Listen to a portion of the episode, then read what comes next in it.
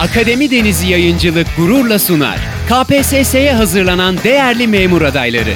Akademi Denizi podcast dönemi başladı. Hem de bu eşsiz hizmetten faydalanmak çok kolay. Zaman ve mekan sınırı olmadan. Evde, işte, otobüste, kafede. Kısacası sizin olduğunuz her yerde Akademi Denizi podcast yanı başınızda.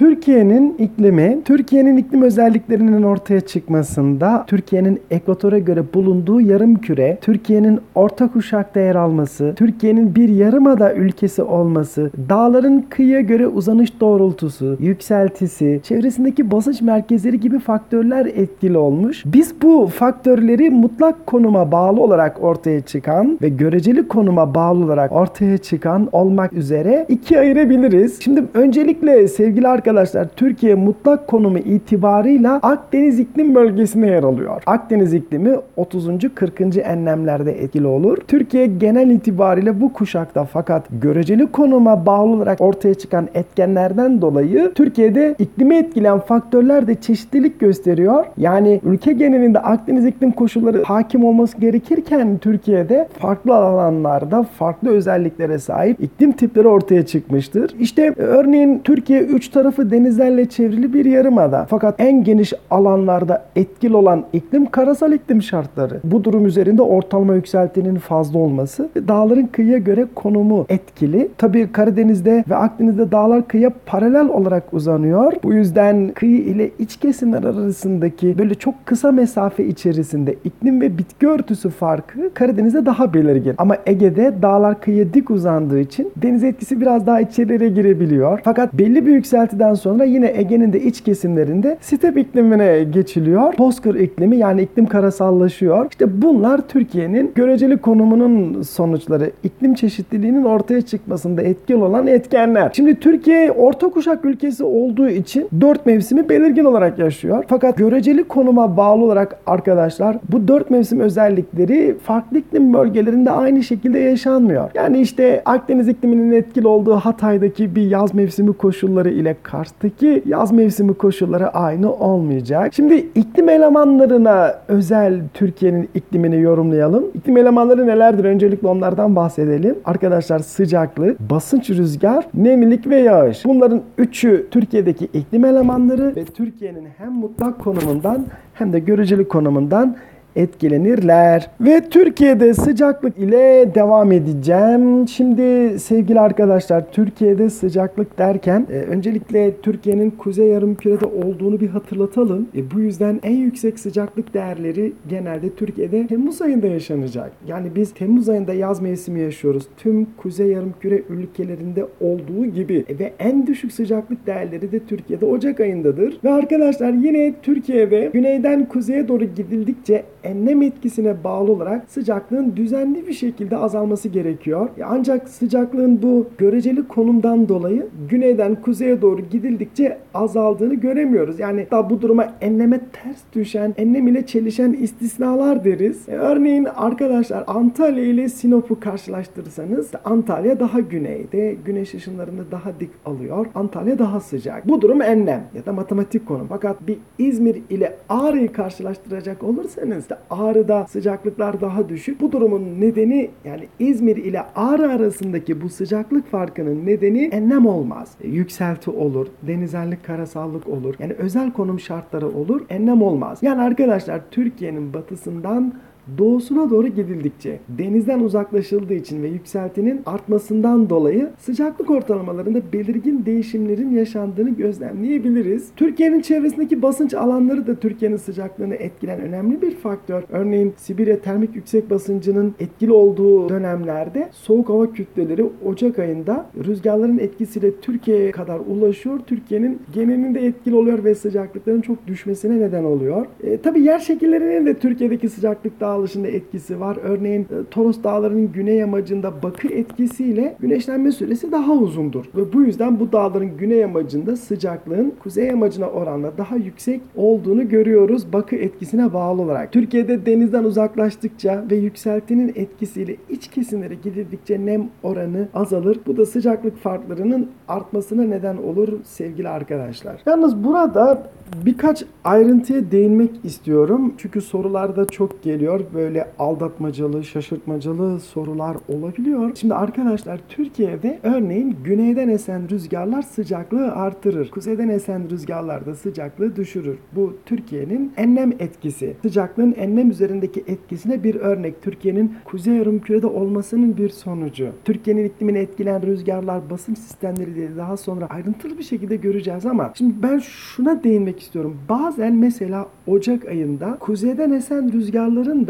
hani sıcaklığı artırdığı görülebilir diye böyle enteresan sorular gelebiliyor. İşte Karadeniz'de kuzeyden esen rüzgar sıcaklığı artıracak Ocak ayında. Çünkü denizden geldiği için daha ılıman olacak. ılık etkiye neden olacak. Yani bu durum özel konumdur arkadaşlar. Veya başka bir örnek verelim. Örneğin işte biraz önce dedik dağların güneye bakan yamaçları daha sıcak. Bakı etkisine bağlı olarak. Ama örneğin Karadeniz dağlarının kuzeye bakan yamaçları daha ılıman, daha sıcak ve daha yoğun nüfuslu olabiliyor. Bu durumun da nedeni yine denizerlik olacak. Çünkü deniz biliyorsunuz Karadeniz dağlarının kuzey yamacında. ılımanlaştırıcı etkisi orada daha belirgin. Yine örneğin Ocak ayında Erzurum ile Rize'nin sıcaklık ortalamasını karşılaştıracak olursak Erzurum daha soğuk. Şimdi enleme göre Erzurum daha güneyde daha sıcak olması lazım. Çünkü Erzurum'a güneş ışınları daha dik açıyla ulaşıyor. Yani bu da yine enlemin sıcaklık üzerindeki etkisine uymayan, çelişen, enteresan durumlara bir örnek. Sıcaklıkların dönemsel olarak Türkiye'deki dağılışına gelecek olursak arkadaşlar Ocak ayı ile başlayalım. Ocak ayından bahsetmek istiyorum öncelikle. Ocak ayında kıyılardaki sıcaklık değeri iç kesimlerden yüksek olacak. Denizelliğin etkisiyle. Tabi enleme bağlı olarak da Akdeniz kıyılarından işte Karadeniz kıyılarına doğru gidildikçe sıcaklıklar kuzeye doğru gidildikçe azalacaktır. Şimdi Ocak ayında Türkiye'nin en sıcak yeri Akdeniz kıyılarıdır. En soğuk yeri ise Erzurum, Kars, Ardahan yöresi. Bu durum üzerinde işte yükselti, karasallık ve enlem faktörleri etkilidir. Arkadaşlar